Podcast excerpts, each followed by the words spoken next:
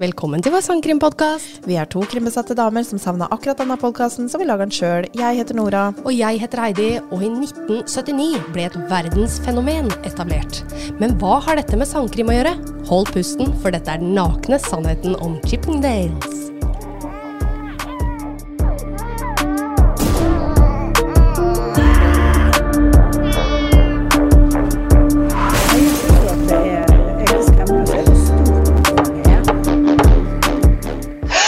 Hei, Nora. Hei, Heidi. Hei. Nå skjønner jeg ingenting. Nei! Eh, Det var en interessant intro. Nå Mhm. gleder jeg meg til å høre mer. Takk. Eh, Men eh, først så har vi vel litt andre ting vi skulle snakke om. Ja. Det var, eh, Nå har vi akkurat eh, sendt av gårde Hedda fra forrige uke, fordi vi spiller jo inn samme dag. Japp. Det var veldig, veldig Mhm. ja, hyggelig. det var kjempehyggelig. det var kjempekoselig. Hun, eh, hun er skikkelig kul. Ja, hun er det. Og så fantastisk person. Ja, veldig. Så takk, Hedda, igjen Yes. for at du delte historien din. Ja. Og for at du er en fantastisk person. Ja, det er hun jo. Herregud, Ja. Hun er sykepleier, og hun elsker å jobbe med eldre. Liksom. Ja. Fy faen, sånne mennesker trenger vi mange av i landet. ass. Ja. Sånne har vi altfor få av. Jeg veit. Ja. Og den omsorgen. Og når vi fikk en klem av henne Hun hadde så gode Oi, klemmer. Det var, en- det var en tier. Ja, det var det. Det var, en tier av det var en tier. en kvalitetsklem. Ja. Så jeg hadde blitt veldig glad hadde hun jobba med meg hvis jeg hadde vært gammel. Absolutt. Ja. Eller med mine, mine pårørende. Ja, det òg. Mm, Det ja. Ja. Nei, øhm, Heidi. ja. Dette er episode 99. 99. Fy faen. Ja. Det skal sies, det ligger vel kanskje ikke akkurat 99 ute, men for oss Nei, ikke flisespikk. da. Nei da. Det er den 99. episoden vi spiller inn. Ja. Eh, Herregud. Ja, 97 egentlig som Ja, ligger ute. ja, det er men, eh, 97 som ligger det ute, kan men vi det ja. Mm. Eh, det betyr jo at neste uke er episode 100. Tenk det. Det er jo helt sinnssykt. Mm. Eh, det, da skal vi gjøre noe som vi aldri gjør. Nei. eh, som også tvinger oss til å forberede oss, som vi kanskje ikke er så fan av. Men eh, vi skal rett og slett lette litt på sløret om hva vi skal ta for oss i episode 100. Ja. Sånn at eh, vi kan hype det litt, så alle dere kan få glede dere. Mhm. Og eh, som en liten gave til våre lyttere, Ja. siden det har vært etterlyst, Ja. så skal vi ta hver vår norske sak. Og Ja. dere får en dobbeltepisode Herregud. neste uke. Det blir en lang episode. Det blir en veldig lang episode. Ja. Men eh, det er vår gave til dere for at dere orker å holde ut med oss gjennom dårlig lyd og eh, useriøse f- fjåsesamtaler Ja. til noe som er litt mer oppegående, håper vi. Så takk til alle som følger oss, Ja. eh, enten du har vært her et kvarter eller i to år. Ja. Vi digger deg uansett. ja, ja, ja. Er du gæren? Herregud, tenk det. Snart to år. Ja. Det er ehm, Det er hvert øyeblikk nå, faktisk. Ja, det er det. Det er, det, det er su- surrealistisk. Det er det. Ja.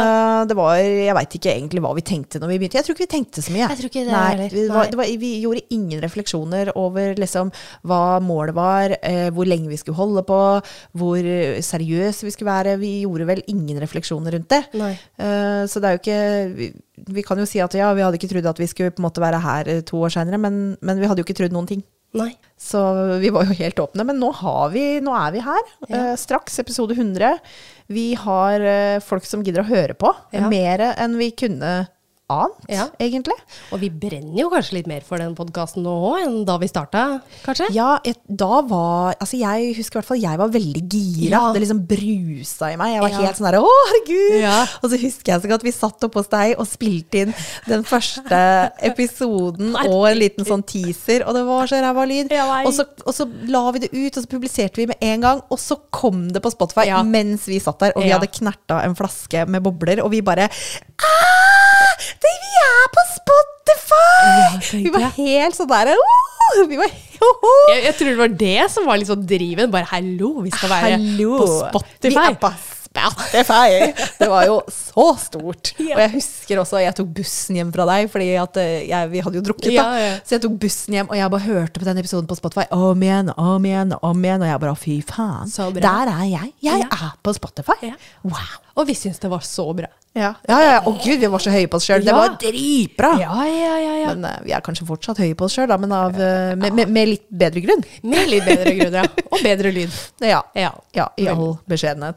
Eh, og så har vi jo fått til endelig et samarbeid med moderne media. Ja. Så vi kan få litt, uh, litt grann, eh, Strev for- sideinntekt eh, Ja, her. ja. Og det, og det husker jeg snakka med en kompis som eh, har vært eh, Han jobber som radioprodusent. ja.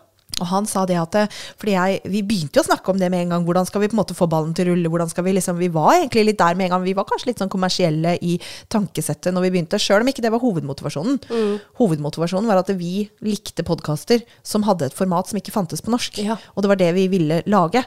Men så begynte vi jo kjapt å tenke litt kommersielt. Eh, og da husker jeg han sa til meg at eh, dere må bare fortsette å spille inn. Spille inn masse episoder.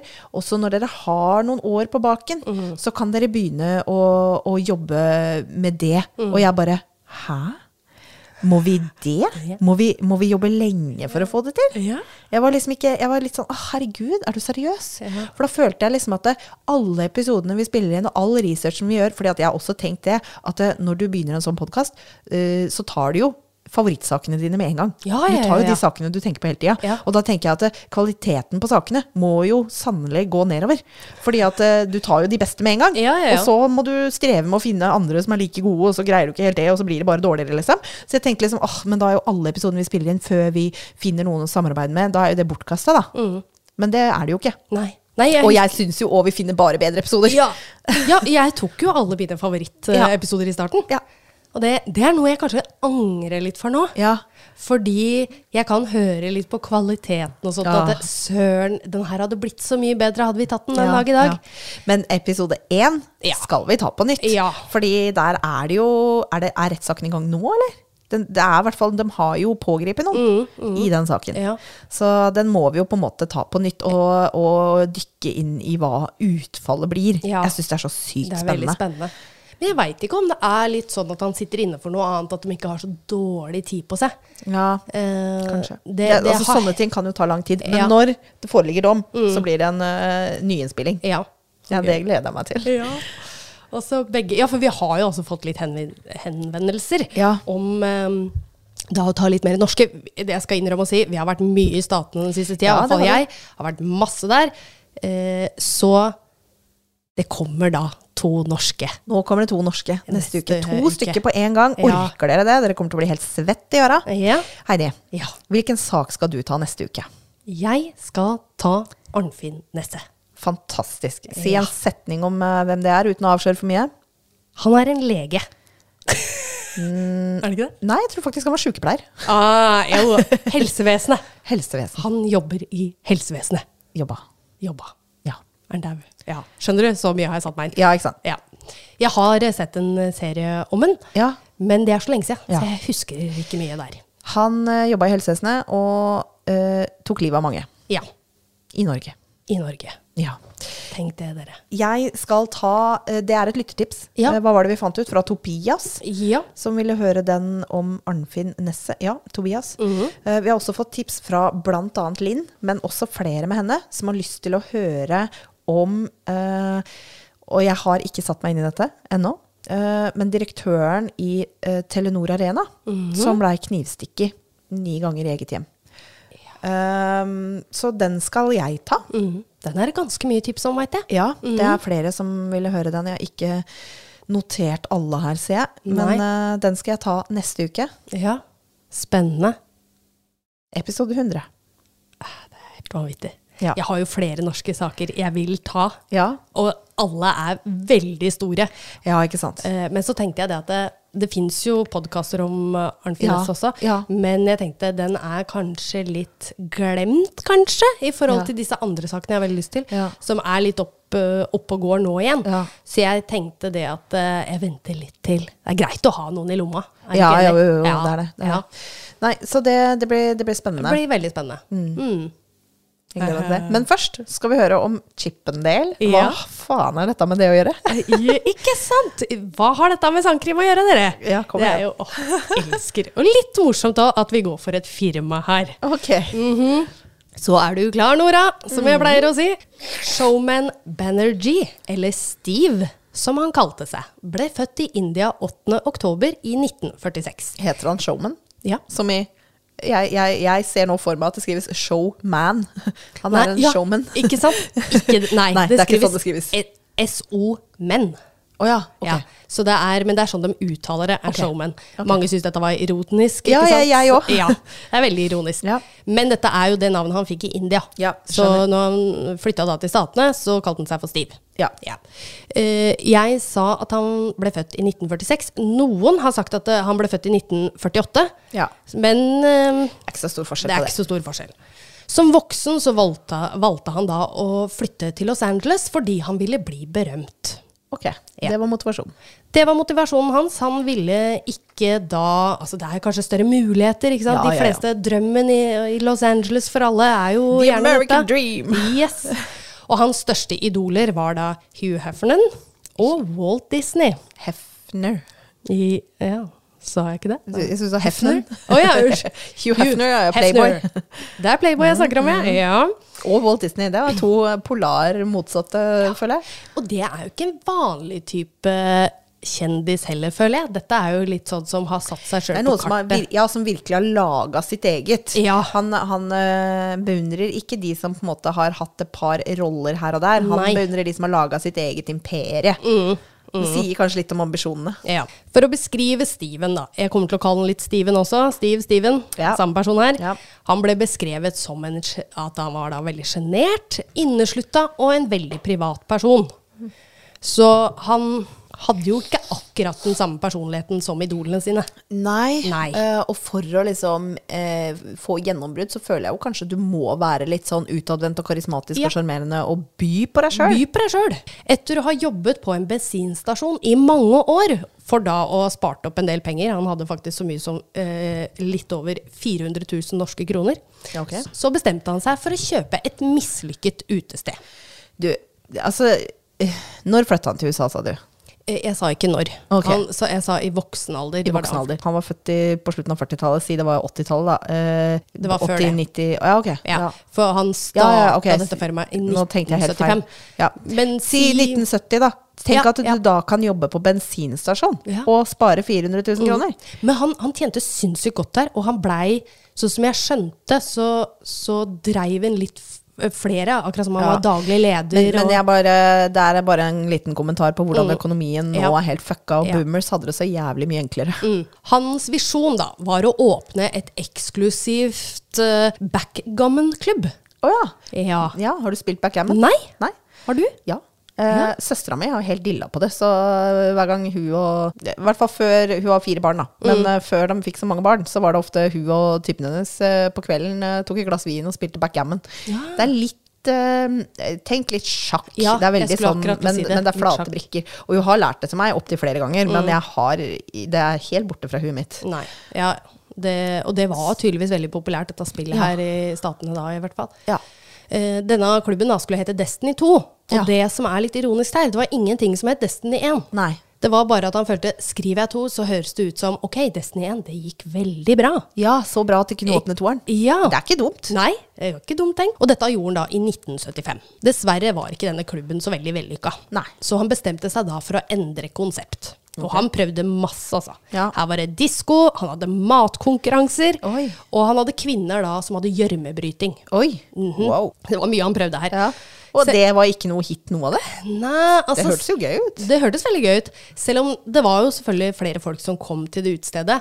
Men så var jo ikke dette nok til å sette klubben på kartet. Nei. I hans eh, hue så trengte han kjendiser til å dukke Ja. opp, ikke sant? Det var ikke nok at det gikk bra med noen vanlige folk som subba innom. Det skulle være elite. Det skulle være liksom skikkelig gjevt å gå der. Mhm. En dag da så dukker Paul Ryder og hans kone, som da er Playboy-modell, Dorothy Stratter, inn i klubben. Paul introduserte seg som en nattklubbpromotør.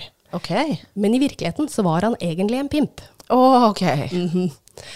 Og han ville da hjelpe med å få klubben opp og fram. Ja. Og for dette så skulle han da få 25 av inntektene. Oi. Ja, og han var veldig overbevisende, han her, altså. Ja. Paul. Dette her da gikk jo selvfølgelig ikke helt etter planen, da Paul ikke hadde så gode forbindelser som han påstod han hadde. I 1979 så kom Steven på et helt nytt konsept igjen. Ja. Denne gangen så skulle han ha mannlige strippere, hvor kvinnene skulle være i fokus. Spennende. Og jeg tenker at det var kanskje ikke så vanlig. Nei, det var, det var jo helt nytt. Det er jo, faen, det er jo Ingen som hadde hørt om halvparten det. av hele markedet er jo kvinner. Ja, Han er jo øh, smarting, altså. ja veldig smart. Klubben fikk også da det nye navnet, som vi veit er Chippendales. N- Navnet kommer faktisk fra et gammelt møbelmerke som var da på 1700-tallet. Oi, Ja, og det var sånne gamle stoler. Dritkule stoler. kult. Kan du legge ut bilde av stolen nå? Eh, det skal jeg. Det, det, det ble jeg litt nysgjerrig på. Ja, ja, ja, ja, ja. For å få tak i mannlige strippere, så reiste da Steven og Paul på stranda. Og spurte rett og slett attraktive menn rundt om har du lyst til å jobbe som stripper. Veldig mange sa nei her, Ja. eh, men de klarte å overtale dette her. Dette blir luksuriøst, det skal ikke være sånn eh, Det er ikke lugubert, det er classy. Mm. det er classy. Så det blei faktisk en del som blei med på det her, og de tenkte jo mest på at de, de skulle bare se flotte ut. Mm. Denne klubben da ble jo med en gang ekstremt populær, og køene begynte jo å vokse. Wow. Mm. Husk at dette var en periode hvor kvinner stort sett skjulte sin seksuelle side. Og nå kommer de Altså, nå følte de endelig at de hadde makten, som da mannfolk hadde gjort i mange år før dem ved å reise da på vanlige strippeklubber. Og rollene var nå endelig snudd. Ja, jeg skjønner at det ble en hit. Ja. Og så er- var det på slutten av 70-tallet. Mm. Jeg husker også 60-tallet med mye seksuell frigjøring der. Ja. Mm. Men eh, ja, så det, tiden var moden. Tiden var moden, vet du. Ja. Hver kveld var klubben fullstappet av folk, og Steven han dreit i at det var en maksgrense på hvor mange som skulle være i bygget. Eh, Ja. Brannforskrifter og sånn, ja. Det er ikke så farlig. Nei. I dette lokalet da, så var det lov til å ha 299 stykker. Oi. Eh, og dette, som du sier, er jo pga. brann og fluktveier og det som er. Eh, det eneste Steven eh, tenkte på Altså, han var penger, penger, penger. Ja, det var ja. det eneste som sto i huet på han. Og han fylte gjerne klubben sin da, med alt fra 500 til 600 kvinner. Så det var jo dobbelt så mye, da. What? Ja, oi! Hvordan ble det plass? Ja. Hadde han sitteplasser til alle? Han kan ikke ha hatt det. Nei, nei, nei, nei, nei. Dette førte jo til at Steven ofte kom i konflikter med politiet og brannvesenet. Noe som hadde en positiv effekt på nattklubben. Mm. Ja. No- For når politiet dukket opp, så ble folk så nysgjerrige at det- fader, alle ville jo inn og se Ja. hva dette var for noe. ja. Ryktene sier at Steven kunne arrangere eller ringe politiet selv. Ja. For da å skaffe seg gratis reklame, ikke sant? ja. Og han er en Han er smarting. sleip. Ja, han er sleip, men Sleip og smart. smart, ja. Siden Dorothy var en god venn av Hugh Hefner, for hun hadde jo også vært forsidepike flere ganger i Playboy, fikk hun ideen om å style guttene med krager på halsen og håndleddene. Og dette ble jo faktisk offisielt Shippendales varemerke i 2003. Ja, det er jo ikonisk. Det er ikonisk. Fy fader, så smart hun var òg. Dødssmart. Selv om kru- klubben gikk ekstremt bra, så begynte Paul å bli en byrde for varemerket. Pål, han eh, promotøren. Ja. Mm. Han gjorde rett og slett ikke jobben sin, og satt for det meste og drakk i baren, samt da å overvåke Dorothy. Ja. Han var en veldig eiersjuk mann, og som jeg sa tidligere òg, en pimp. ja. Hallik. Ja. Mm. I 1980 fikk Paul faktisk sparken. Og på denne tiden gikk ikke ekteskapet til Dorothy så bra. Og de var gift. Åh. Hun hadde fått enorm suksess, altså da med Playboy og som skuespiller, for hun begynte å få roller eh, i filmer og sånn. Ok. Noe som gjorde da Paul enda mer eiersjuk og Ja, sjalu. Herregud. Det endte med at de tok ut separasjon, og Dorothy begynte nå å de- date da en film... Jeg, si- jeg sa, har skrevet direktør, men er det filmredaktør, Det- kanskje? Nei, nei, Det, ja. Eh, det- altså eh, Director? Director? eh, regissør. Regissør. En filmregissør. Mm. Ifølge vitner så ble Paul hevngjerrig på Dorothy. Mm. Han hadde gjort henne tross alt til en kjendis, ifølge, i, i hans sine øyne. da. Mm. For det var han som faktisk hadde sendt inn nakenbilder av henne til Playboy. Før hun da ble eh, Playboy-bunny eller forsidepike. Jeg håper hun samtykte. Det høres jo Vet- ikke rødt ut. Det høres ikke ryddig ut, nei. 14.8.1980 så kjørte Paul til huset som han da hadde delt med Dorothy, for det var hun som bodde Mm, der. Hvor de da skulle gå gjennom skilsmisseoppgjøret. Mm. Dette var i hvert fall det han sa til henne. Åh. Men han hadde andre planer. Den ettermiddagen så skøyt Paul Dorothy i ansiktet, for så å skyte seg sjøl. Jeg så ikke den komme. Nei. Selv om denne saken er tragisk, så er ikke dette slutten på drapene som skulle skje med mennesker tilknyttet Å, men herregud. Chippendales. Fordi nå tenkte jeg, vi begynner med Chippendales, og så skjønte jeg ikke at de skulle være hovedpersoner, men de er ikke det. Det er mer. Det er masse mer! Oi, oi, oi. I 1981 så ansatte Steve Nick Dinoya, som var en kjent dansekoreograf, Mm. sceneforfatter og produsent. Og han hadde faktisk vunnet to Emmy Awards, som da hadde med en litt sånn barne... Litt à la barne-TV, Ok. med kunst inni der. Så Ja. det var en Men det hørtes ut som en veldig bra eh, trekk å ansette han. Ja. Og få opp produksjonsverdien, liksom. Ja. Steven ville jo utvide klubben for å da tjene enda mer penger, ikke sant. Personligheten til Nick, da, var eh, Han var eh, veldig perfeksjonist og hadde høye forventninger til seg selv. Eh, akkurat som han hadde for alle andre som han da jobbet med. Han kunne også bli sett på som ekstremt frekk, for han hadde jo aldri noe filter. Nick så fort at denne klubben trengte et show, og ikke bare mannlige strippere som gnei seg opp etter damene. Nei. Dette ville da føre til at Shippendales ble mer profesjonelt. Steven og Nick inngikk en avtale som gjorde at de ble businesspartnere. partnere.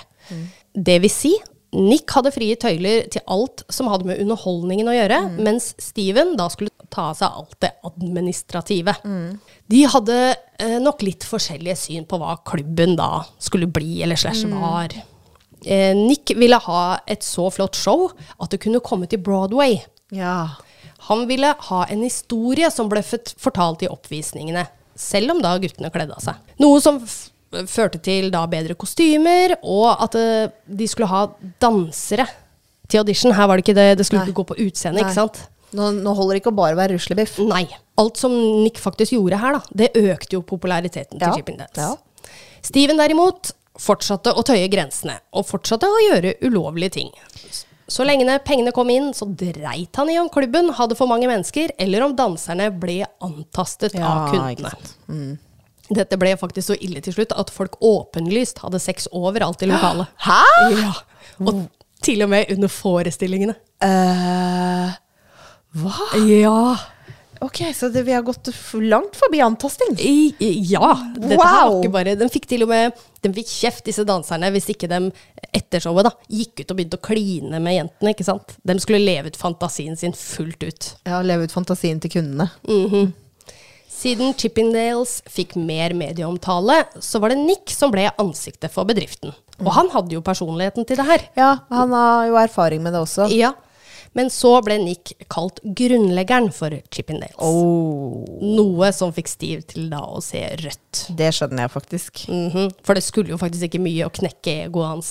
Nei, men altså, han, had, det er, han er jo ikke grunnleggeren. Nei. Så det, nei, nei. Eh, det er jo det, det, er jo fair. er faktafeil. Mm. Steven mente han ikke fikk nok oppmerksomhet. Og han mente at dette fortjente han. Ja, for det, jeg veit ikke hvem Steven er. Men jeg vet ikke hvem Nei. Nick er heller. Men Nei. alle har hørt om Chippendales. Ja. Så jeg skjønner jo at han føler at han havna litt i skyggen her. Ja. Han er jo ikke et navn som Hugh Hefner. Nei. Og han på en måte veit jo hvem er, uten å nevne Playboy i samme setning. Ja. Men han, han, han holdt jo seg stort sett bare på kontoret sitt ikke sant? Mm. i dette bygget, så han, han gjorde jo ikke så veldig mye for at eh, han skulle Nei. bli sett på av media heller. Nei, men da kan han jo ikke klage over at han ikke er Nei, berømt. nei. Ifølge Steven da, så var det jo tross alt han som hadde kommet opp med, og slash da startet med konseptet Chippendales. Ja. Alle andre, ifølge han, var kun ansatte. Så han var veldig på det, Ja, selv om men du det gjør alle stemmer jobben. jo ikke, for det- han- de inngikk jo et partnerskap. Ja. Eh, Så han er jo mer enn en ansatt, vil Ja, jeg tørre å påstå. ville- Ja. Dette var starten på krigen mellom de to. Selv om de hadde masse uenigheter på veien, så var det ingenting sammenlignet med dette sviket fra Nick. For Nick, han rettet jo ikke opp i Mm. Han gjorde- han gjorde ikke det. Nei. Nei. At, eh, han sa liksom ikke i intervjuer at eh, du, det er ikke jeg som er grunnleggeren. Han sa liksom ikke 'hei, hei, vent litt, eh, jeg er ikke grunnleggeren'. Nei. Jeg er Men det er partner. jeg som er koreografen her, og tar for meg showbusinessen av sida. Mm. Det gjorde han ikke. Så Nick han fikk jo selvfølgelig da all skylda. Jo Ja. mer oppmerksomhet Nick fikk, jo mer forbanna ble Steve. Nick på sin side han mente at Chippendales var hans show, for han hadde jo gjort alt arbeidet. Det, han, altså, han har jo ikke feil, det er jo Nei. han som har f- gjort det til et show. Det var, før det så var det jo bare gnikking og gnuing og stripping. Eh, men det, han har jo ikke laga det. Nei, nei. Han har tatt, på en måte mm, tatt over, da. Mm.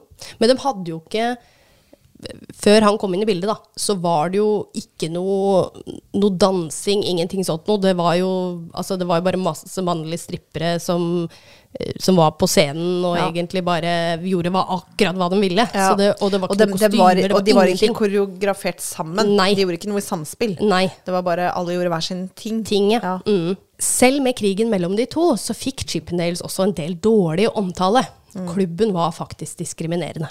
Å. Som eh, et- snakker vi eh, etnisitetsbasert diskriminering, da, eller? Ja. Som jeg sa tidligere, så var klubben kun for kvinner. Mm. Men ettersom kvinner reiste på andre utesteder etter showet, så bestemte Steven seg for å åpne baren for mannfolk etter at showet var ferdig. Mm. Da for å tjene mer penger. Selvfølgelig. Veldig bra konsept, spør jeg, Ja, ja. eller Jo, ja, jo. idé. Men samtidig, når showet er ferdig, så får han jo disse stakkars gutta til å gå ut og kline med damene. Da, Det er ikke sikkert det er lurt å åpne for menn, menn da, holdt jeg på å si. Nei, det er veldig sant. Mm. Det som var merkelig her, var at Steven var veldig streng på hvilke mannfolk som skulle få lov til å komme inn. Ja.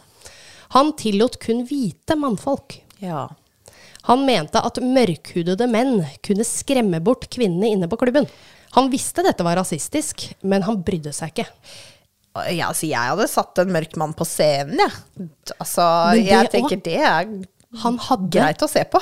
han hadde en mørk mann Han på hadde scenen. det? Han hadde det! Uten at han skremte bort kundene. Han var jo faktisk den som var the it-man. Ja, ikke sant. Alle Nemlig. kvinnene elska han. Ja, men i alle dager, er han blind, eller? Han er skikkelig blind. Og det litt ironiske her òg, da, er jo at det faktisk Steven er mørkhuda selv. Ja, det er, faen, han er jo fra India. Ja. Han er jo ikke helt hvit. Nei. Nei. Det vil si, han brydde seg ikke inntil han ble tatt for dette. Ja. Don Gibson, som var en jusstudent, ville sjekke ut klubben med en kompis. Ja. Når de ankom, ble de nektet inngang av vakten fordi de ikke hadde et medlemskort. Jaha. Vaktene sa at dette måtte de ha for å komme inn på klubben. Don var mørkhuda i huden, mens kompisen da var hvit. Ja. For å få tilgang til dette medlemskortet, så måtte man legge inn da en søknad, og det kostet da 100 dollar Yes. per kort. Og det som var litt merkelig her òg, var at det virket som det var umulig å få tilgang til dette kortet, for vaktene kom med nye ting hele tiden. Mm. Don tenkte jo ikke så mye over denne situasjonen. Det eneste han visste, var at han ikke gadd å bruke så mye penger på et Selvfølgelig. medlemskort. Og så ble han nekta inngang sammen med den hvite kompisen sin, Ja. så det er ikke sikkert han så den sammenhengen. Nei, nei.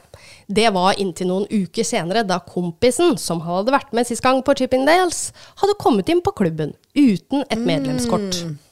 Don skjønte nå at hele saken ikke dreide seg om et medlemskort, men om hudfarge. Ja. Og dette testa dem, denne teorien her, Ja. for de reiste tilbake på klubben. Ja. Og da var det litt flere hvite Ja. eh, kompiser med. Ja. Mm. Og da hadde de gått inn først, og så hadde de kommet ut igjen. Og så hadde de satt seg i køen, eller stelt seg i køen igjen, da med Don. Og så ble den nekta inngang. Og Mm. Oi. da, som sagt, de konfronterte vakta, men han fortsatte å blånekte. Å nei, ja, dette Nei, dere må ha kort, da. Mm, ja, enda de hadde jo stempel til og med, disse De bare eh, Hva er dette på handa mi? Ja, eh, Don hadde nå alt han trengte for å anmelde saken da for diskriminering. Ja.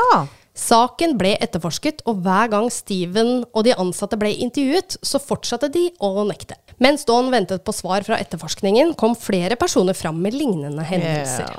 Don ble også ringt opp av et bilutleiefirma som Ja. hadde funnet noen papirer med hans navn på. Jaha. Når Don reiser dit for å se hva disse papirene var, så viste det seg at det var en mappe med informasjon om han. Det var da en privatetterforsker som hadde blitt ansatt av Shippendales for å s- følge da etter Don og samle inn informasjon om han. Hvorfor var det hos bilutleiefirmaet? Det var privatetterforskeren som hadde leid denne bilen, og så hadde han glemt så- den mappa i bilen. Nei, og så ringer de og bare Du, vi Hva har er en mappe her med navnet ditt Ja. på, er det noe du er interessert i? Ja, er, Å, er dette ditt? Ja. Ikke nok med det. Ja, ikke nok med det.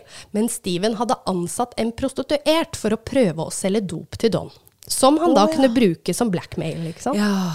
Dette fikk jo selvfølgelig Dawn til å frike ut, og oppi alt det her så fikk han en telefonsamtale fra en danser fra Chippendales. Ok. Denne mannen var den eneste mørkhuda danseren der. Ok. Mhm. Mannen forteller Dawn at han burde være forsiktig, for livet hans kunne stå på spill. Oi. Han, fort, han eh, fortalte da at han hadde overhørt Steven si at han ønsket at Dawn forsvant. Ja. Eh, men det er jo ikke bare Don som har anklager mot klubben nå. Det Nei var jo flere da, som hadde det var kommet fram. flere. Men det er han som er eh, pådriveren, Ja, liksom. Mm. for det er jo han som har starta saken, ikke sant? Mye Bra, kan bra gjort av han danseren. Ja. Applauderer det. Ja, virkelig. Mye kan bli lagt i ordet 'forsvinne', men ut ifra hvordan Steven var, så var ikke dette noe positivt. Det var en vanesak for Steven å true folk som kom i veien for han, eller da true varemerket Chippendales. Dawn og hans advokater endte opp med å saksøke Steven, noe som endte med at Steven måtte betale Dawn 10 000 dollar, samt da 85 000 dollar til andre fornærmede. Oi, wow. Og det er ganske betydelige summer. Mm. Ja, på den tida var det jo det. absolutt. Selv med mange rettssaker mot Steven, så dro klubben inn masse penger. Ja. I 1983 tok den inn så mye som 8 millioner dollar. Ah, Det er jo bare lommerusk for han, det, da. Ja. Oi, oi, oi. Siden ting gikk så bra, så ville Steven nå utvide Chippendales, og denne gangen til New York City. Nick skulle drive denne klubben, noe som ikke var så dumt siden de to ikke tålte trynet på hverandre. Ja, ja, ja. Smart. Og Nick veit veldig godt hvordan han setter opp en produksjon nå. Han er god på det han gjør. Mm-hmm. Yes. Eh, samtidig så syns jeg jo det er rart når de er eh, så ikke glad i hverandre, at han skulle få det ansvaret, da. Mm. Det står jo litt forskjellig om hvem sitt forslag dette var. Var det Steven, eller var det Nick? For den podkasten jeg hørte på, så sa de Steven, men den TV-serien jeg så på, så var det Nick sitt forslag. Ja, ikke sant. At eh, han ga Steven et ultimatum. At eh, dette skal skje, eller så der, der, der, der, ikke Mm. Ja, sant? ja. True han, da. Ja. Klubben i New York ble jo en suksess over natten, den. Og her dukket det opp enda flere kjendiser som satte da Chippendales på kartet. I New York levde Nick ut drømmen ved at han da kunne lage et enda bedre show. Og det var jo tross alt han som bestemte. Jepp. Chippendales-mennene deltok også på de største TV-showene, noe som økte begeistringen for klubben. Ja, selvfølgelig. Så er det, oh, du syns han er yummy på TV, du kan se han kle av seg. Mm. I bakgrunnen så sto jo selvfølgelig da alltid Nick, noe som gjorde at han ofte ble intervjuet. Ja. Eh, Drev de fortsatt og snuska etter showet i New York også? Drev de og lå og klina og Eh, Eller hadde det roa seg litt? det hadde roa seg litt der, ja, tror jeg. for det var vel eh, Steve som var pådriver for det. Mm. Noe som igjen da styrket jo troen til folk, at det var jo Nick som var grunnleggeren. Mm. Ja, Av dette selvfølgelig. firmaet. Men eh, f- slapp han inn eh, andre hudfarger, da? Ja, ja, ja. Han gjorde det, ja. ja, ja, I New York han så var hadde jo det flere mer åpent. dansere. Ja, Ja, ja, det var ja. mye mer åpent der, og han var jo veldig opptatt av at eh, alle skulle få lov til å komme inn på klubben, om du var hetero, eh, fil, eh, skeiv, altså alle var velkomne der. Ja. Det var én hendelse som fikk begeret til å renne over mellom Steven og Nick. Og det var en hendelse som ble kjent som serviettavtalen i 1984. Og det er alltid en serviett. Steven og Nick møttes på en restaurant for å se om de kunne løse problemene seg imellom. Så fort de satte seg ned, så begynte jo de selvfølgelig å krangle. For Nick han ville ha mer lønn for strevet, for han følte at han var en stor del av den nye Ja. eh, suksessen som over Chippendales, noe Steven ikke da var enig i. For å prøve å komme til en enighet, så overtalte Nick Steven med å signere en kontrakt på en serviett. Her sto det at Nick skulle få 50 av fortjenesten for da New York-klubben, samt da rettighetene til å ta med Chippendales på verdensturné, og ha eierrettighetene for dette for evig. Mm. Wow! Fikk han til det? Oi, oi, Yes. oi. Ja, jeg skjønner jo at Steve kan angre på det, da. Ja. Men altså, hadde jeg vært Nick, så hadde jeg jo bare tatt, eh, tatt ideen og konseptet og gått videre. Ja. Her er det også litt sånn forskjellige ting som ble sagt. For no, i denne kontrakten her òg, så var det mange som mente at eh, Steven skulle få 50 av inntektene for turneen. Mm. Eh, og at da han spilte på dette, han Nick, Mm. at eh, men Bare skriv under her. Altså, du trenger ikke å løfte en finger, og så får du 50 av alle Ja, ja. fortjenestene på denne turneen. Ja. Så hva som er riktig her, det er jeg litt usikker på.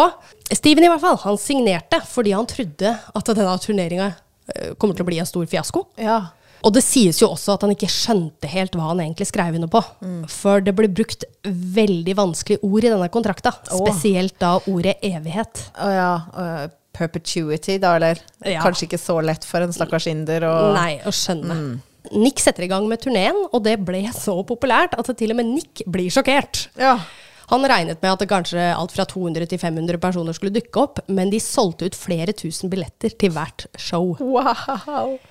Når- Var, det, var det en amerikansk turné eller verdensturné? Eh, Det var amerikansk. Ja. Mm.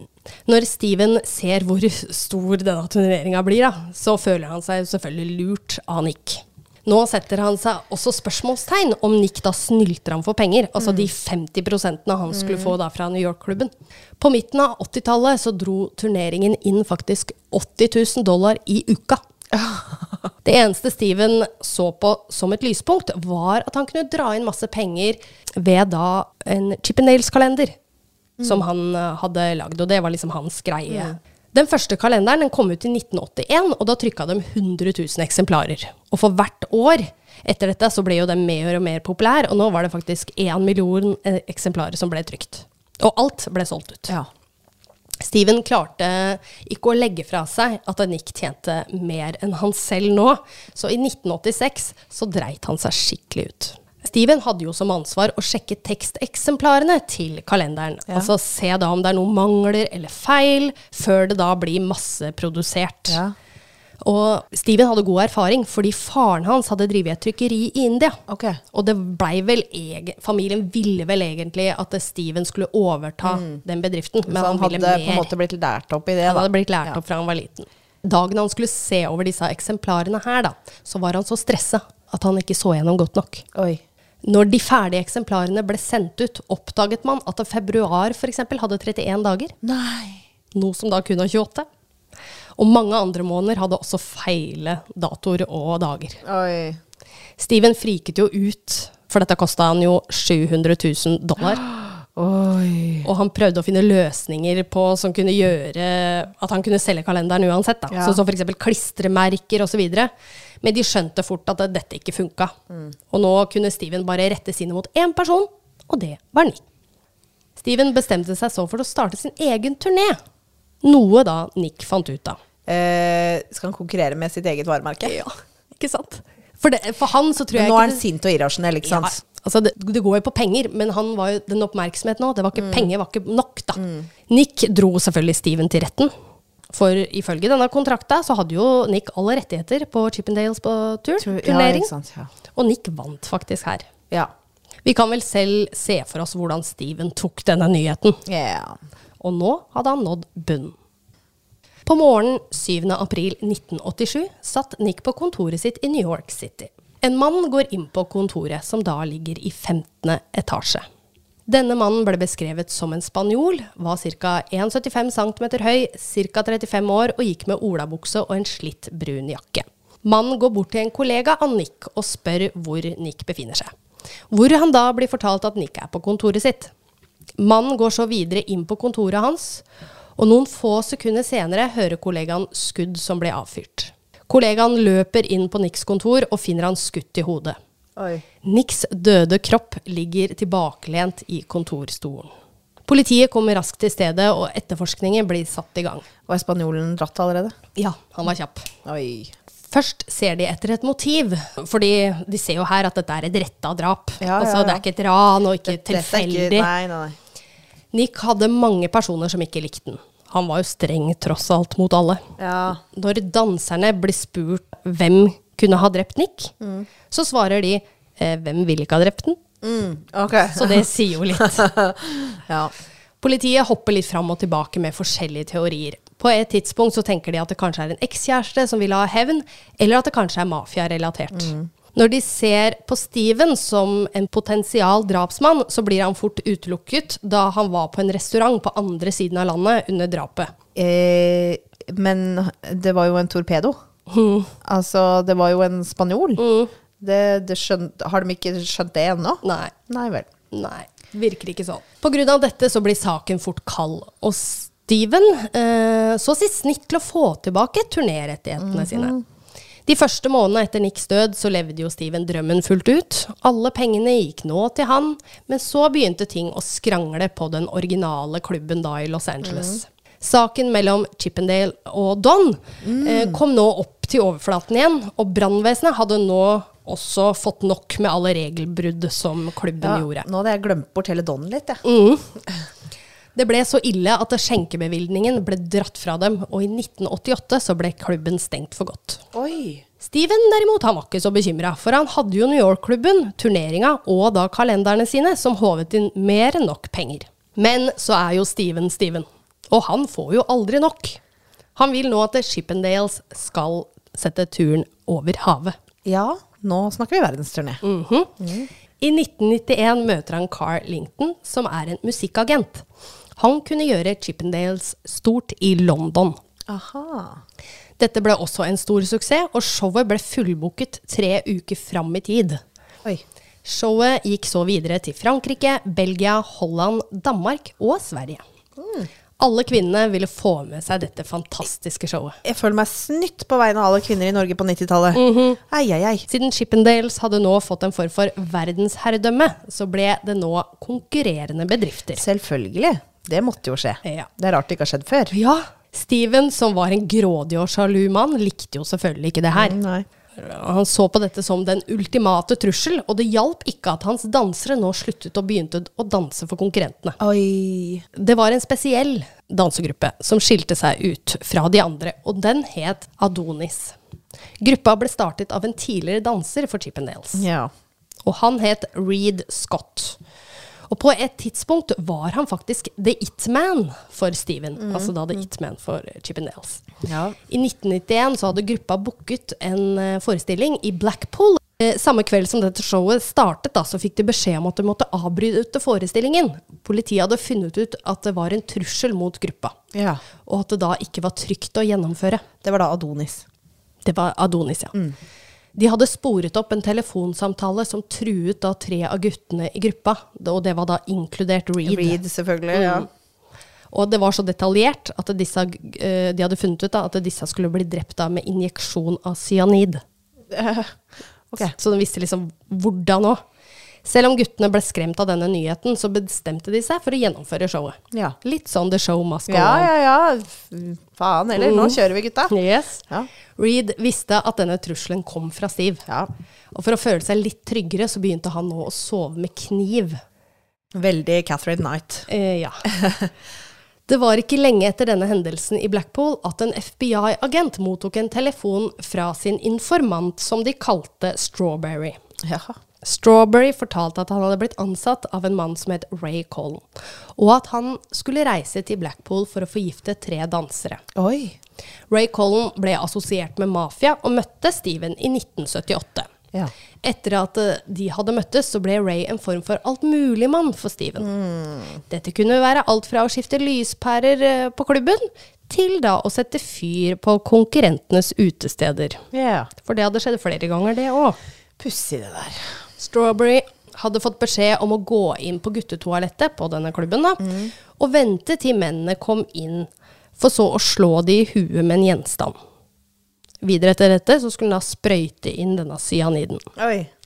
Heldigvis så fikk Strawberry kalde føtter og reiste tilbake til Statene, for så da å ta kontakt med politiet. Politiet ransaket huset til Ray, og de finner ekstreme mengder med cyanid. Oi. Og det var så mye som 46 gram, noe som tilsvarer da å kunne ta livet av 230 Nei! personer. Jo, Oi, shit! det er mye, altså. Ja, for 46 gram hørtes ikke så mye ut. Nei. Og så bare Ok. Wow. Da, da skal det ikke mye til. Nei. Nei. Ray blir så arrestert, og etter å ha sittet i fengsel i syv måneder, så bestemmer han seg for å samarbeide med politiet. Ray forteller om hans rolle i forsøket på å forgifte de tre danserne. I tillegg så forteller han en viktig informasjon om drapet på Nick. Ja.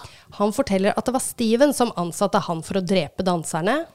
Og Steven hadde også spurt om han kunne finne noen som kunne drepe Nick. Mm. Alt da for at dette ikke skulle komme tilbake til Steven hvis noen ble tatt her. Selv om det ikke var Ray som drepte Nick, så var det han som hadde betalt Gilbert Rivera Lopez til å gjøre det. Mm. Gilbert satt allerede i fengsel, så for etterforskerne så, så var det ikke like hastverk da, med Nei, å få nei. tak i han. Og han satt da inne for andre kriminelle handlinger. Mm. Dems hovedfokus Ja. var nå å gå etter Steve og få han til å tilstå.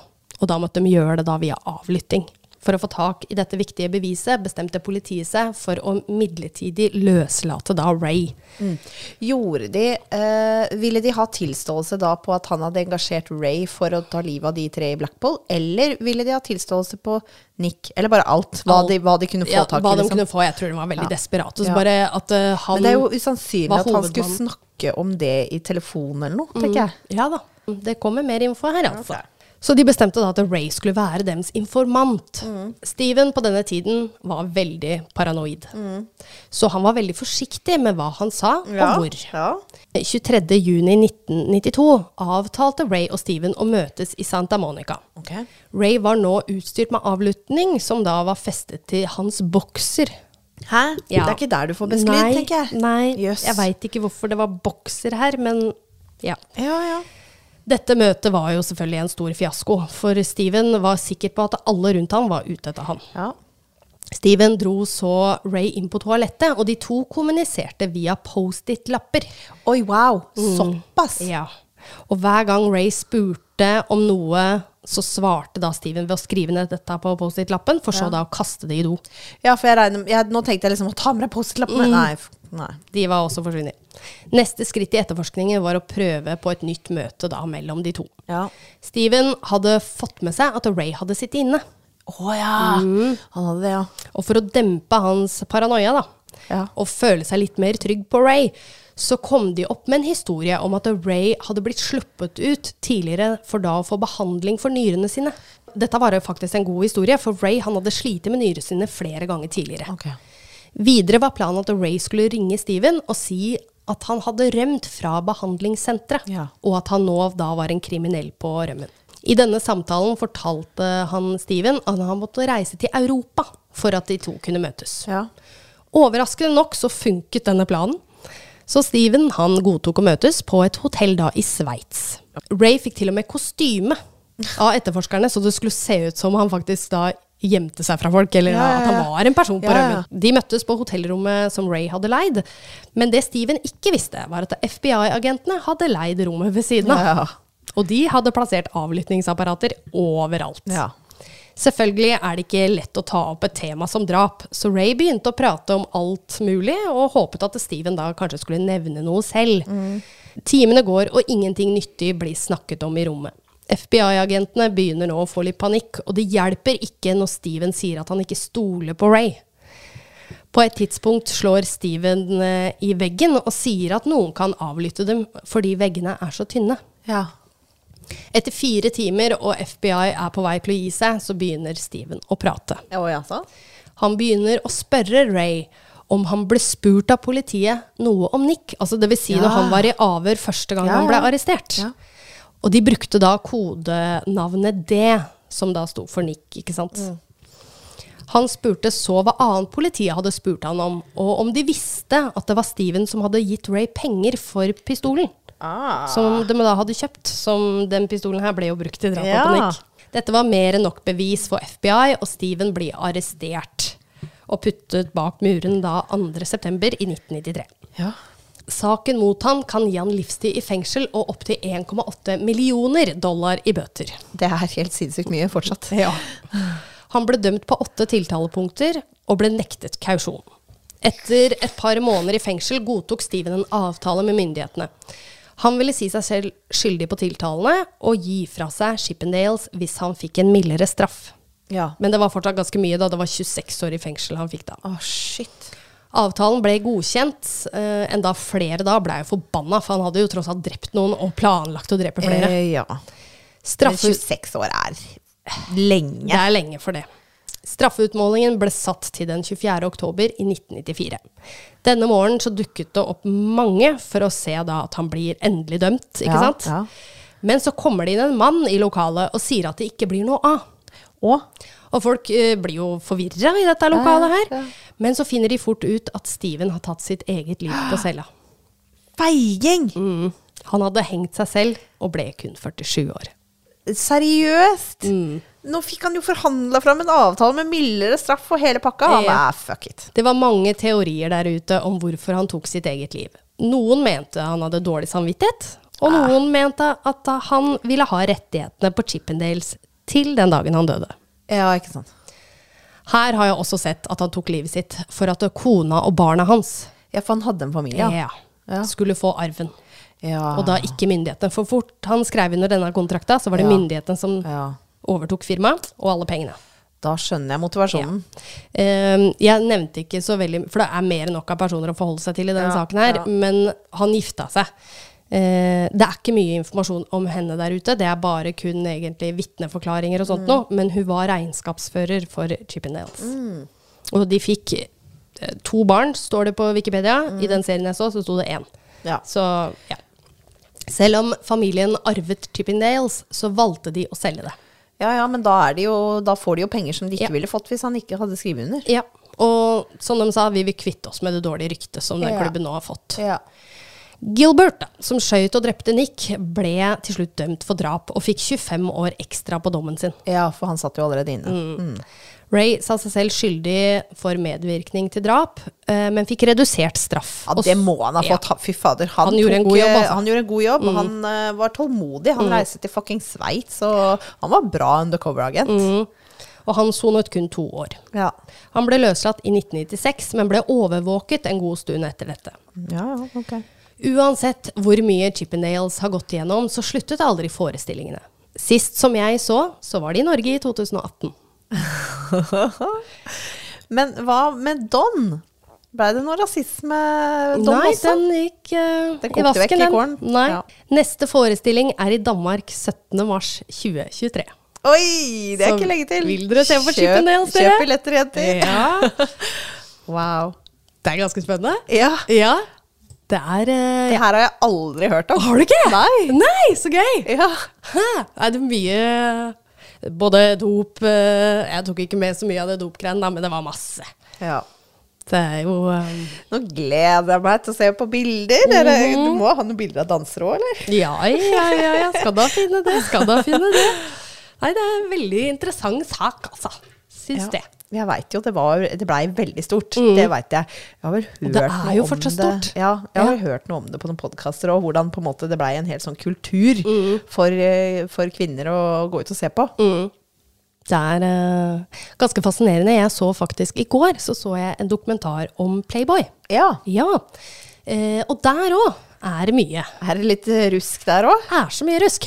Så jeg tenkte kanskje jeg skulle ta det òg. Men så er det litt sånn Det her er jo på en måte vitneforklaringer av kvinner som var Playboy-modeller eller eh, Playboy-bunnies. Mm. Men eh, si- alt dette kom jo ut etter at eh, Hefner døde. Ja, selvfølgelig. Ikke sant? Mm. Så han blei jo aldri dømt for noe. Nei. Nei, det er klart. Han kan ikke ha reint mel i posen, han. Nei, ha- der var det ikke mye, skal jeg love deg. Mm. Det skjønner jeg. Det Nei, ganske fascinerende, det her, altså. Mm. Ja, da er det bare å gå og søke opp bildene folkens, på Hold Ja. pusten pod på Instagram og Facebook. Yes. Og neste uke er det episode 100 100! med to norske saker til dere. Yay! Da Ja, det blir ses gøy. vi, da. Snakkes om en uke. Ha det. Ha det.